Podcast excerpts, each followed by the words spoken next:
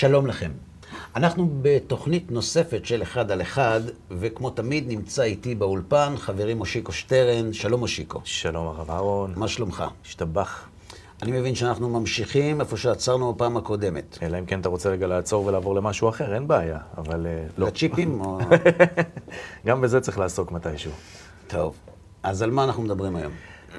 עצרנו בעצם, אנחנו התחלנו אתמול את הנושא הגדול הזה שנקרא המוסר האנושי. ואני ניסיתי למשוך אותך לכיוון התורה, אבל אמרת לי, חכה, יש לנו עוד זמן, ובואו נדבר, איך אמרת, בידיים כן, נקיות. בואו ננסה להסתדר לבד קודם. כן.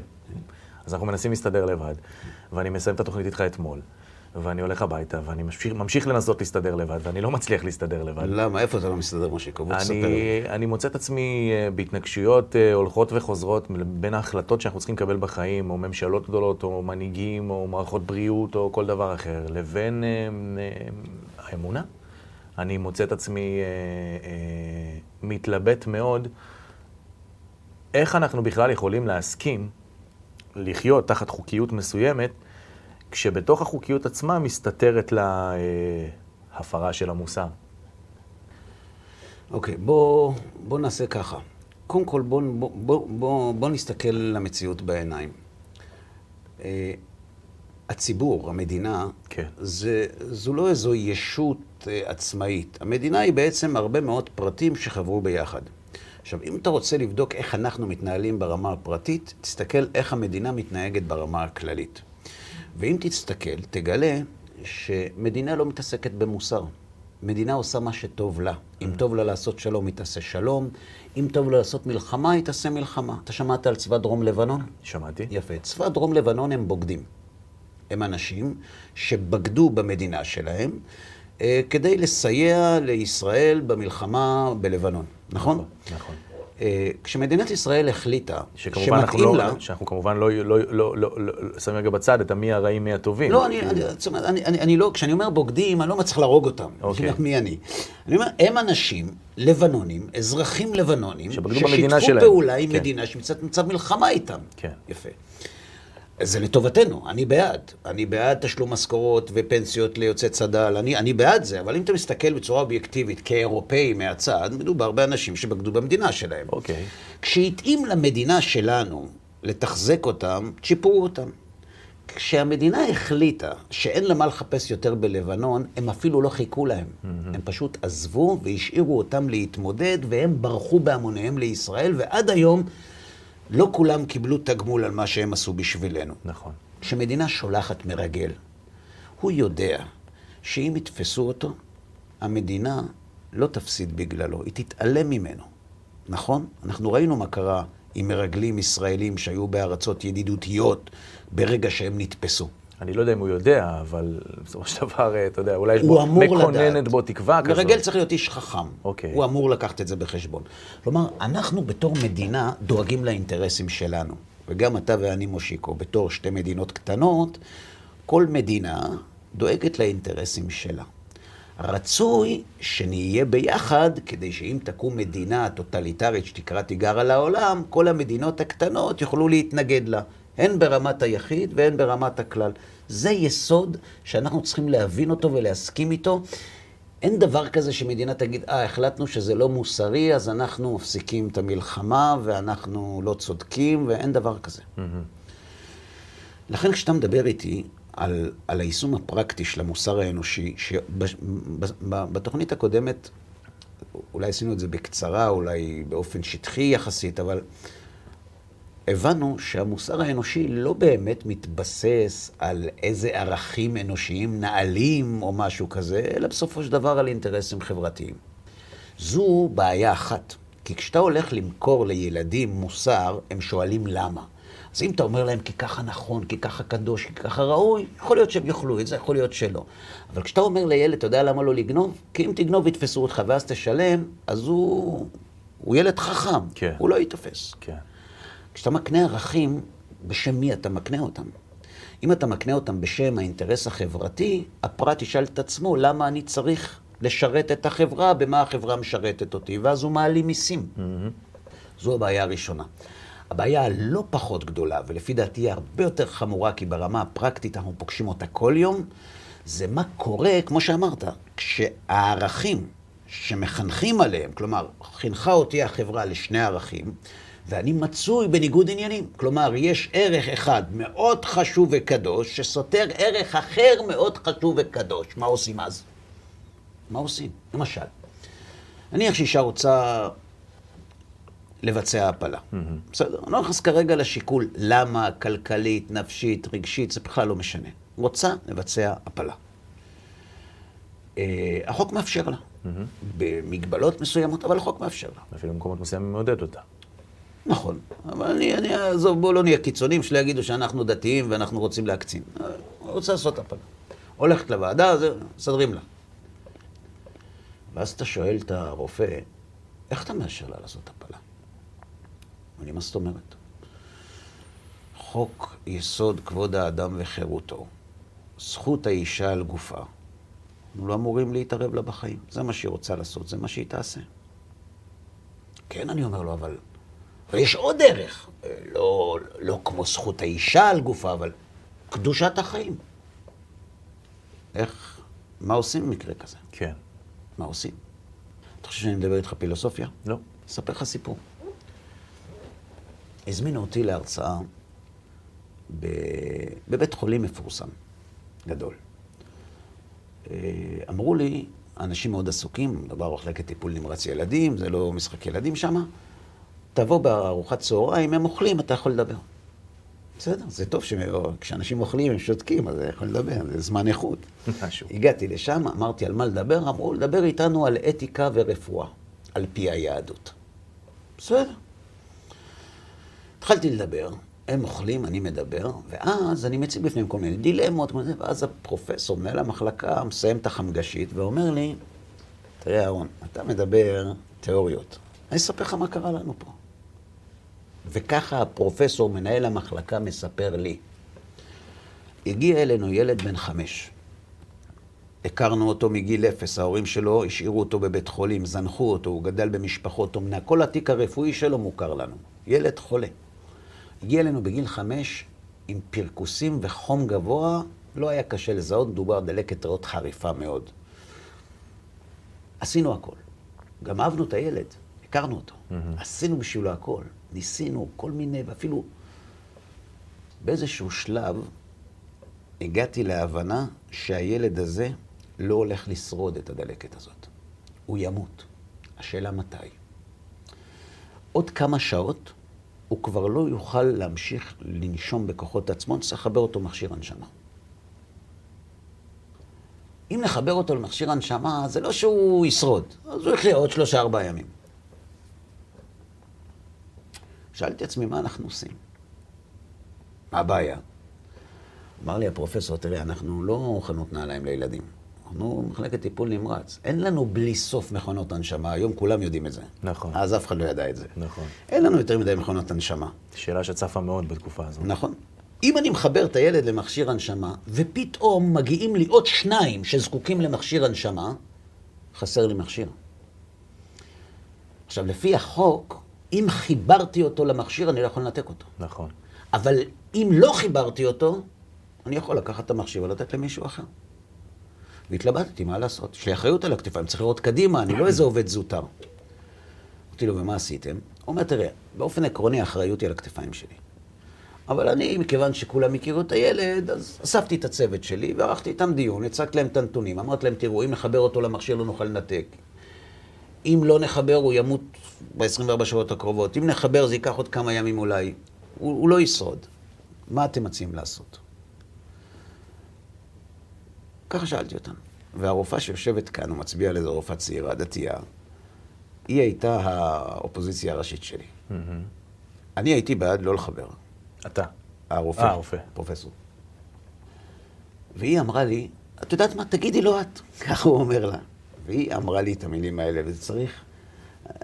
אה, מישהו רופא יודע כמה אומץ צריך כדי להגיד דברים כאלה לפרופסור שלך. היא אמרה לי שהיא אמרה לו ככה. בוא נראה על מה אנחנו מסכימים. הניסיון שלך לאין ארוך יותר מקצועי ועשיר מהניסיון שלי. הדיאגנוזה שלך היא כנראה נכונה. אם אתה אומר שהילד הזה לא ישרוד, כנראה שהוא לא ישרוד. כנראה. מה עם האחוז הקטן שאולי כן? כנראה, פרופסור.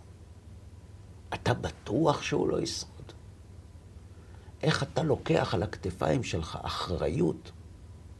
הרי עכשיו בקורונה ראינו אנשים שכבר רצו לנתק אותם מהמכשירים, השאירו אותם והם קרו.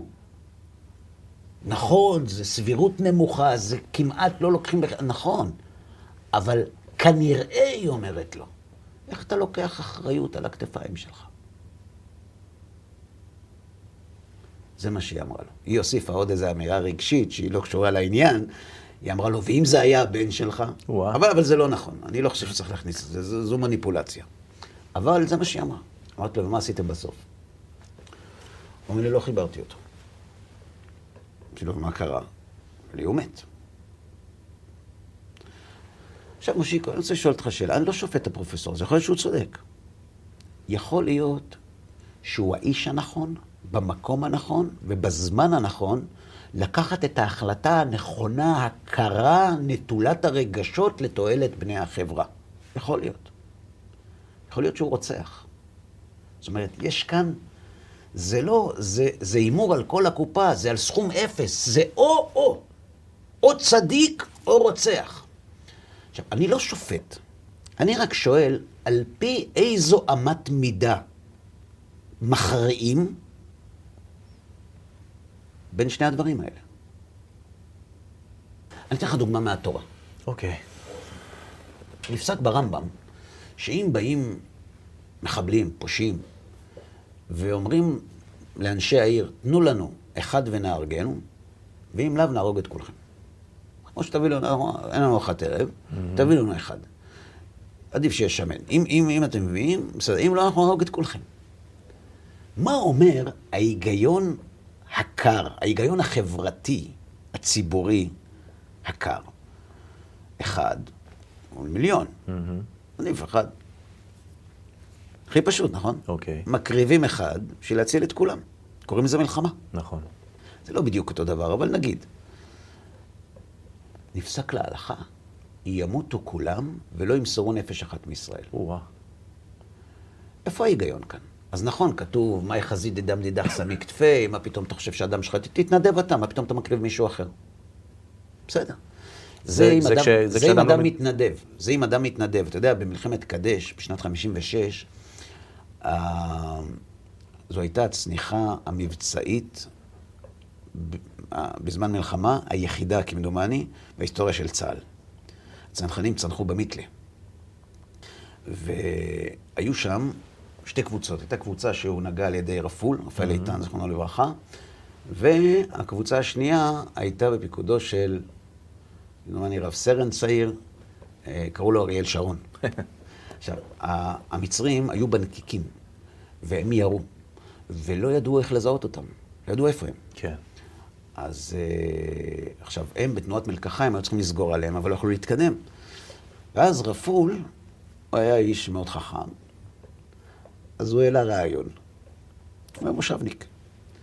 שמישהו יעלה על ג'יפ, ייכנס בוואדי, ואז המצרים יראו עליו, ואז יזהו את הנוטבים, ואז יחסלו את המצרים. עכשיו נשאר מי? מי? מי יעשה את זה? אה, אז הוא לא הכריח אף אחד, הוא לא יכול. אוקיי. אבל הוא הציע שמישהו יתנדב. לא הוא. הוא לא יתנדב, טוב, הוא מפקד, הוא לא יכול להתנדב. התנדב, יהודה קנדרור. נפצע קשה מאוד. איך עושים דבר כזה? אז אם הוא מתנדב, בסדר, אבל לקבל הכרעה, אתה תלך, לא אתה, הוא ילך למות בשביל שאחרים יצאו... אה, מי שמך שר ושופט עלינו? על פי איזו אמת מידה אתה קובע את הכללים האלה? זאת אומרת שלפי הסיפור שאתה אומר, התורה לא מאפשרת לקחת מישהו כקורבן עבור אחרים. זה, זה נקודתית, אני רק הבאתי דוגמה כדי להראות שיש כמה צדדים, זאת אומרת שזה לא שחור לבן. עכשיו, השאלה איך מכריעים. אבל אמרנו אם הוא מתנדב זה בסדר? לא יודע, יכול להיות שכן. יש מקרים כאלה בגמרא שהגמרא מספרת על כאלה שהתנדבו ואין אנשים יכולים לעמוד במחיצתם. בסדר, אני לא, לא נכנס לשאלה הזאת. אני רק אומר, כשאני צריך להכריע, על פי איזו אמת מידה אני מכריע, אתן לך עוד דוגמה. נפטר הרב אברהם ישעיהו אבר, עליו השלום, איש צדיק שהציל מאות אנשים ממוות. הקים ארגון, מתנת חיים, שעוסק בהתרמה של אנשים. השתלות. לתרום כליה, כן. למה הוא הקים את זה? כשהוא הקים את הארגון שלו, הוא, הוא היה בבית של אבי מורי, שבריא, והוא הוא רצה שהוא ישתתף איתו. למה הוא, הוא שאל אותו, למה אתה מקים את זה? אז הוא אומר, כי אנשים מתים. אנשים ממתינים בתור אינסופי להשתלת כליה, אין סיכוי שהם יקבלו את זה. עכשיו, יש אנשים טובים במדינה שלנו, אנשים שמוכנים לקחת משהו מעצמם ולשים באחרים בלי כסף. אגב, גם עליו העלילו עלילות שהוא עושה את זה בשביל כסף. בכל מקרה, אני אעודד אנשים לתרום ולקצר את התור. זה להציל חיים פר אקסלנס. עכשיו, תנסה לדמיין. יש תור, נניח, של 30 איש לתרומת כליה. יש בן אדם שיש לו אבא או בן שזקוק להשתלת כליה. דודה שלו, היא עובדת במעבדה של הבדיקות של התאמת הכליה. או-אה, או-אה. עכשיו, היא אמרה לו שהיא יכולה לסדר לו קיצור התור. מה זה קיצור התור? לא למקום הראשון, כי זה משום עינה בישה, מקום שני, שזה אומר תוך כמה זמן. מה הוא עושה? האם מה שצריך לעניין אותו זה רק הילד שלו? כשאתה לוקח החלטה לקדם את התור, יש סיכוי סביר שאתה גוזר מוות על בן אדם. אבל מצד שני, אם לא הוא ימות, הוא ימות. אז מה ההבדל? העיקר שיהודי אחד יישאר בחיים. או מה ההבדל בין זה לבין לקנות את זה בכסף רק כי יש לך? לקנות בכסף, אתה יכול להגיד, שמע, אתה יש לך כסף, תקנה, אין לך כסף, אל תקנה. זה שוק חופשי. אבל אנחנו לא מדברים פה על כסף, אנחנו מדברים פה על לעקוף את התור. מותר, אסור, נכון, לא נכון. מה מערכת היחסים בין היחיד לרבים? מה מערכת היחסים בין חוק לחוק? יש למשל חוק, חוק שעוסק בחופש הביטוי. כן. כן? שזה חוק חשוב מאוד, אחרת לא היינו יכולים לדבר פה עכשיו. עד איפה הוא? מה קורה כשחופש הביטוי מתנגש עם זכות האדם לפרטיות? זאת אומרת, יש כאן מערכת שצריך להחליט בה. אין מי שיחליט, כי מי היום מחליט? בית המשפט. נכון. בית המשפט, על פי איזו אמת מידה הוא קובע מה ערכי פחות ומה יותר. אין לו איזו אמת מידה ברורה. אתה יודע, למשל בתורה כתוב, אין עשה דוחה לא תעשה ועשה עשה דוחה ולא תעשה, כן דוחה, לא דוחה. יש כללים, כללי פסיקה, כללים. על פי איזה כללים בית המשפט מחליט? על פי מבחן הסבירות? מבחן בוזגלו? על פי איזה מבחן? הכל פלסטלינה. אלה בני אדם. מה הם מבינים במוסר יותר ממני? איך הם יכולים להחליט מה דוחה את מה? שיקול הדעת של מי? שים לב, כולם בעד בית המשפט העליון, וכולם נגד בית המשפט העליון. גם וגם. זה תלוי. זה תלוי איך עלה לך. בגורל. כן, כן. אם יצא לך טוב, אז ככה. אם יצא לך לא טוב, אז ככה. אשאל אותך שאלה. היה עכשיו דיון בהרכב של 11 שופטים, זה נדיר. האם אה, לפסול את ראש הממשלה בנימין נתניהו מלהרכיב ממשלה? 11 שופטים, כל אחד דעתם ברמות שאתה לא מבין. צריכים אנשים כאלה. נכון. אני לא אומר את זה בזלזול. נכון, נכון. שהם חכמים. פה אחד. שלא. שהוא יכול להמשיך. פה אחד. כן. אתה יודע שכשבסנהדרין שופטים אדם לחיים או למוות, אם כולם מזכים או כולם מחייבים, פוסלים את המשפט? באמת? כן. אתה יודע למה? למה? כי זה לא יכול להיות, זה לא מאורגן. הבנתי מה אתה אומר. וואו. מי קובע? מי, מי, מי, מי, מי יחליט? מי יחליט אם השופטים העליונים טעו? זו בעיה. זאת אומרת, יש לנו כאן בעיית הסמכות. בעיית הסמכות מתעוררת לא בימים רגילים. בימים רגילים עולם כמנהגו נוהג. בימים שבהם הערכים מתנגשים בחיים שלנו. אתן לך דוגמה, אדם יושב לומד תורה, בא מישהו אומר לו, בוא תעזור לי לקחת את הארגז הזה. גמילות חסדים מול תורה, מה עושים? החיים שלנו מלאים בהתנגשויות בין ערכים שכל אחד מהם הוא, הוא חי בפני עצמו. נכון. בא בן אדם מבקש ממך צדקה, הילדים שלי קודמים, הוא קודם, איך, איך קובעים את הדברים האלה? זו בעיה ראשונה. יש עוד בעיה. דיברנו בתוכנית הקודמת, אני חושב, ככה בהבלעה, על כל הסוגיה הזאת של, של אגודות צער בעלי חיים, שהם מאוד דואגים לבעלי חיים, לפעמים לא שמים לב לבני אדם. נכון. מאוד דואגים. אני, אני, אני, לי נגד זה. יש צער בעלי חיים זו מצווה, יש אומרים דאורייתא, יש אומרים דרבנן, מצווה חמורה. אסור, אסור לצער בעלי חיים. כתוב ב, ב, בפלא יועץ, רב אליעזר פפו, עליו השלום, בערך בעלי חיים כתוב שבא מישהו לארי הקדוש, וסיפר לו שהילדים שלו מתים, קטנים, אז הוא שאל אותו אם יש לו בבית אפרוחים. אמר לו, למה? אז הוא אומר, כי האפרוחים עולים על סולם לשובח, ל... כן. ללול. והילדים שלך הזיזו להם את הסולם, וגרמו להם, גרמו להם צער. חמור, לא? מאוד. כן. אני האחרון שיזלזל בצער בעלי חיים. כן. מי חשב על זה גם?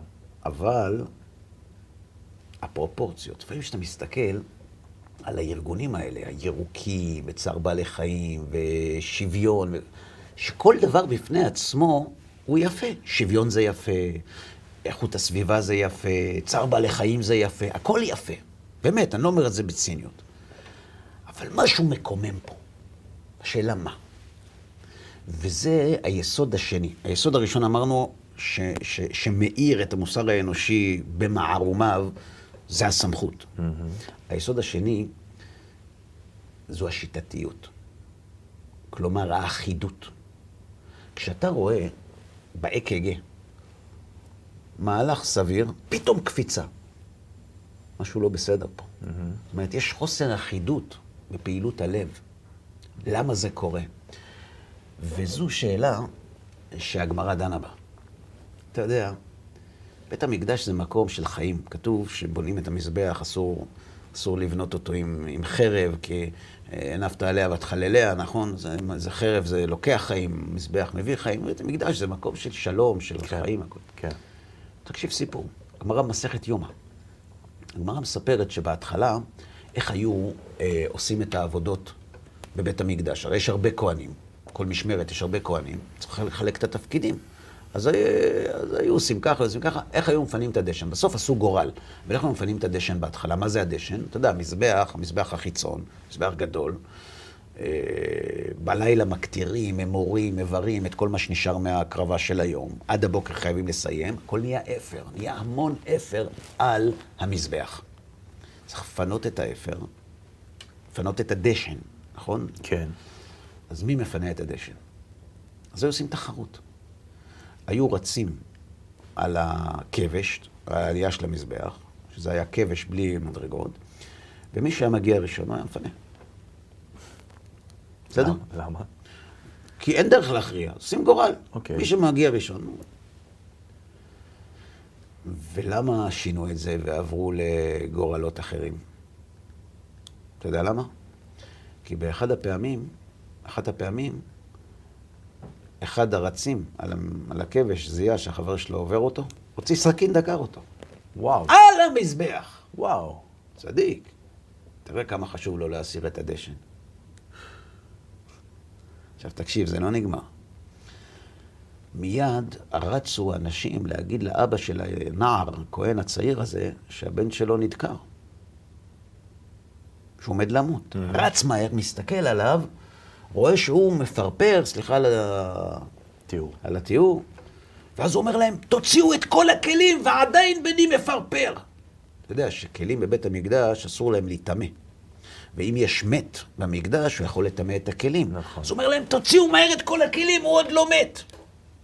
ככה אומר האבא, שרואה את הבן שלו על הרצפה. למה הוא דואג, אתה אומר. כן. כן. שואלת הגמרא שאלה, זה טוב או רע? מצד אחד אתה יכול להגיד, תראה איזה צדיק הבן אדם, איזה צדיק, על מה הוא חושב שהבן שלו מוטל לפניו?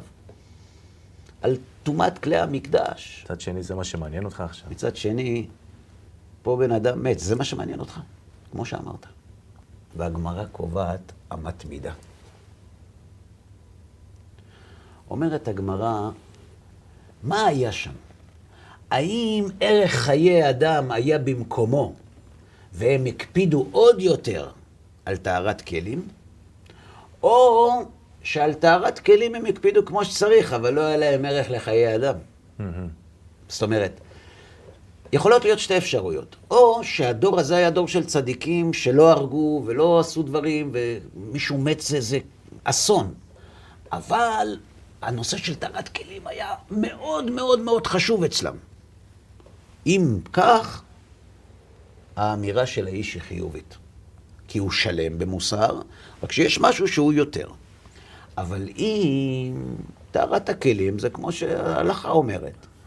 רק שלא היה להם ערך לחיי אדם, ולכן כשמישהו מת ויש כלים נטמעים, אומר, תשימו לב לכלים, זה חמור מאוד. ועל זה עונה הגמרא, מביאה פסוק. וגם דם רב שפך מנשה בירושלים הרבה מאוד, עד שמילא את ירושלים מפה אל פה. שואלת הגמרא, שואלים חז"ל, מנשה בית ראשון זה בית שני, מה הקשר? אמר לנו פעם רב שומש שבדרון, זכר צדיק לברכה, הגמרא מלמדת אותנו עיקרון, עקרון המוסר. הגמרא מלמדת אותנו מה קרה עם מנשה, למה הוא שפך דם רב הרבה מאוד. אתה יודע את מי מנשה המלך הרג? את סבא שלו. אתה יודע מי זה סבא שלו? שעיהו הנביא. נכון. ולמה הוא הרג את ישעיהו הנביא? הוא הזמין אותו לדין תורה. למה? כי הוא אמר לו, אתה כופר. מנשה, שעבד עבודה זרה כן. לפני ששב בתשובה, הביא את ישעיהו כי הוא אומר נגד מה שכתוב בתורה. בתורה כתוב לא תעשה לך פסל וכל תמונה, ואתה אומר, וירא את השם יושב על כיסא רם ונישא. זאת אומרת, הוא, הוא הרג אותו בשם התורה, כאילו. שהוא עובד עבודה זרה. כן. טוב, אז אם בן אדם כופר ועובד עבודה זרה ועושה דברים שחייבים להם מיתה, בסדר, אז אם יש בית דין ויש זה, אז הורגים אותו. למה אתה בא לטענות למנשה? השאלה, מי הטוען? מי שעובד עבודה זרה לא יכול להוציא להורג אדם בטענה שהוא עובר על מה שכתוב בתורה. נכון. אותו דבר גם כאן. אמר לנו הרב, עליו השלום, המוסר, אתה יודע מתי אתה יכול לטעון למוסריות? כשאתה בעצמך שלם. כשאתה נמצא ברמה המושלמת בכל הערכים כולם, ואתה לוקח לך ערך נוסף ומתאבד עליו, אף אחד לא יגיד לך כלום. אבל כשאתה בשאר הערכים שלך נמצא למטה, ופתאום זה מה שמפריע לך, זה נזם זהב באף חזיר. אז אם האנשים שנלחמים בעד איכות הסביבה, היו אנשים שהבן אדם לחברו שלהם, והדאגה שלהם לזולת, ובכל הערכים האחרים הם היו מושלמים, מורמים מעם, ועכשיו הם גם רוצים לדאוג לעתיד, לא שלהם, של העולם, אף אחד לא יוצא נגדם. אם האנשים שרצים לצלם צער בעלי חיים, שזה חמור, כמו שאמרתי לך, אם הם, כשהם היו עסוקים במצוות שבן אדם לחברו, היו נזהרים בחמישים אחוז ממה שהם נזהרים בצער בעלי חיים, אף אחד לא היה אומר כלום. אבל כשאתה רואה אנשים שבדרך להגן על פרות הורגים בני אדם, לא הורגים, הורגים בפה, כן. בני אדם, אתה שואל את עצמך, משהו כאן לא מסתדר. האחידות. כלומר, יש במערכת הערכים האנושית שני מוקשים מובנים. זה לא משהו שאפשר להתגבר עליו, אי אפשר להתגבר עליו. שני מוקשים מובנים. אחד, הסמכות, ואחד, האחידות. אתן לך עוד דוגמה.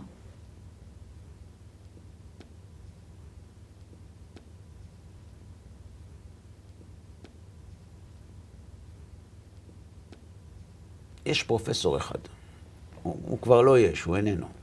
הוא יש, אבל הוא לא טען שיש אחרי שיש, לכן אני אומר שהוא אין, אבל מבחינתי הוא עוד יש, כי הוא מת. קראו לו פרופסור פרנסיס קריק. הוא היה חתן פרס נובל. זכה יחד עם פרופסור ווטסון בפרס נובל על פענוח הצופן הגנטי. וואה. כן, איש שתרם תרומה משמעותית מאוד. לא היה מרבה לדבר לעומת השותף השני שלו. אמר בהרצאה שהכותרת שלה הייתה ההשלכות הסוציולוגיות של הביולוגיה המודרנית, שלעניות דעתי חלק מהקונספירטורים של הקורונה בונים על דברים מהסוג הזה. אוקיי. הכותרת הייתה ההשלכות הסוציולוגיות של הביולוגיה המודרנית. תוחלת החיים מתארכת, נכון, צפיפות האוכלוסין גדלה, נכון. משאבי הטבע מדלדלים.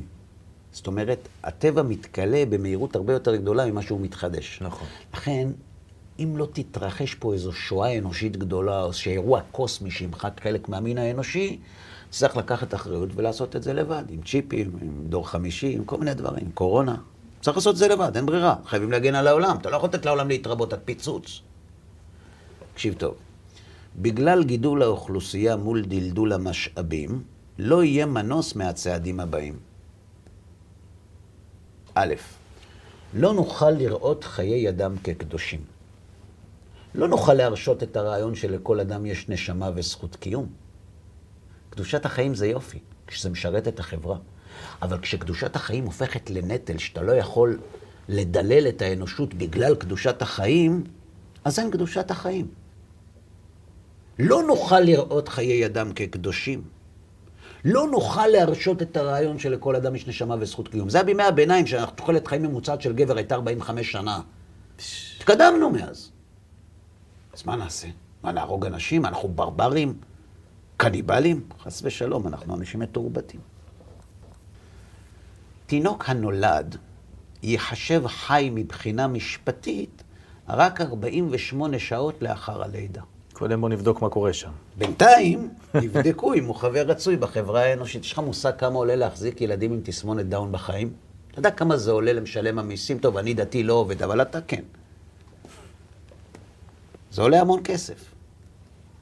אתה, אתה, תגיד לי, אדם מגיע למשרד ההגירה, לדוכן ההגירה בנמל ב-LAX או בקנדי בארצות הברית, שואלים אותו עם כמה כסף הוא בא, נכון? נכון. אם הוא אומר, באתי בלי כלום, מה אומרים לו? יש פס צהוב, זה הולך עד המטוס בחזרה. נגמר. אבל הומלסים יש לנו מספיק. אתה מביא לעולם טיפוסים אנושיים, שלא יתרמו כלום, רק ייקחו. אכן מבצעים הפלות, כדי למנוע מאנשים לא רצויים להגיע. כן. אבל מה יקרה אם הוא כבר נולד? אז הוא אומר, תראה, אנחנו נגדיר שהוא נולד מבחינה משפטית 48 שעות אחרי הלידה. ואז יש לנו חלון הזדמנויות. משפטית הוא עוד לא חי, מעשית אנחנו יכולים לבדוק אותו, ואז נחליט מה לעשות איתו. אם הוא למשל לא, לא מתאים, מה עושים איתו, מושיקו? כנראה הורגים, לא? לא. אלא? איך אתה אומר דברים כאלה? איך אפשר להרוג מי שמבחינה משפטית עוד לא נולד? לא, למה אתה צוחק? עובר ברחם אמו, מבחינה משפטית הוא עוד לא נולד. אומר פרנסיס ריק, מה זו הצביעות הזאת? ברחם הוא כלום, בחוץ הוא כן, אז תחליט. יש גם צד שני.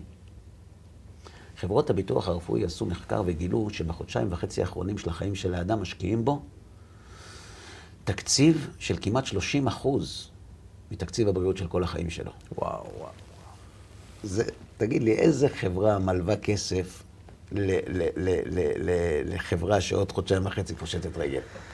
אוי אוי אוי, מה אתה עושה לי עכשיו? רצוי להגדיר אדם מעל גיל 80 כמת מבחינה משפטית, עם כל המשמעויות הכרוכות בכך. אתה יודע מה זה אומר? אל תשמור עליו. בן כמה הוא? היום קוראים לזה, בסדר, את שלו. אתה חושב שזה לא קורה? אתה, מושיקו, חושב שזה לא קורה? אתה באמת חושב שבאנשים בני 90 משקיעים כמו באנשים בני 30? לא, לא, לא, לצערנו הרב ראינו את זה עכשיו. ראינו, הדילמה, את מי להנשים. נכון. אז מה אם הוא בן 90?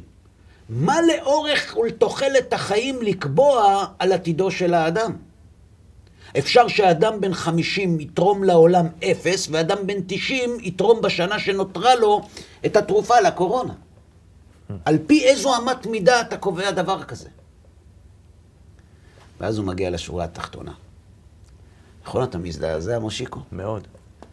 את חלק הדברים הכרתי. יש קפסולה אבל... בלי צ'יפים, שאתה לוקח וזה מרגיע. והוא אומר ככה, כדי שהחברה תקבל זאת, יש להפסיק את לימוד המוסר הדתי לילדים. ובמקום זאת, יש ללמדם את ההשקפה המודרנית של הביולוגיה על מקומו של האדם ביקום. אתה יודע למה אתה מזדעזע? כי בן אדם בשבילך זה משהו קדוש. אבל זה אנחנו המצאנו. אין קדוש. בבון לא פחות קדוש ממני. אנחנו החלטנו, אז נשנה את זה. אם אני אסביר לילד שלך שההבדל בסליל הגנטי בינינו לבין בבון הוא 0.2 אחוז, לא תהיה לו בעיה להרוג יתוש. אתה יודע מה אומר פרופסור פרנסיס קריק? שאנחנו דתיים חילונים. אנחנו חילונים בראש ודתיים במוסר. להחליט לחלל שבת, או להחליט להתנתק מהמסורת, ברמה המעשית זה ברגע אחד. נכון. החלטתי, לא שומר שבת. אבל למטען מוסרי של אלפי שנים, יש משקל. הוא לא נעלם ברגע שהחלטת. כן. לכן אתה יכול לפגוש היום הרבה אנשים שטוענים טענות מוסריות, וכשאתה מנסה לנתח איתם, אבל למה אתה אומר את זה, הוא נתקע. אין לו. ופתאום הוא נראה לך פנאט הרבה יותר מאהרון. הוא מאמין במשהו באופן מוחלט, בלי שהוא יכול להוכיח מה נכון בו. אלה הם שני הכשלים המרכזיים במוסר האנושי, ואין להם פתרון. הפתרון הוא בית משפט עליון, חוקה. אבל חוקה ובית משפט עליון הם אנושיים, והם באים מאותו בור שאתה לא יכול למלא מחולייתו. כן. מבחינת אין החבוש מתיר עצמו בית האסורים. נכון. אז מה בכל זאת עושים? נדבר על זה בתוכנית הבאה. בסדר? כבר סיימנו? כן. וואו. תודה רבה, מושיקו, נעמת לי. תודה רבה גם לכם, צופים יקרים, שהייתם איתנו. אנחנו מאוד מקווים שנהניתם ומקווים שתצטרפו אלינו גם, בעזרת השם, בתוכניות הבאות. כל טוב לכם.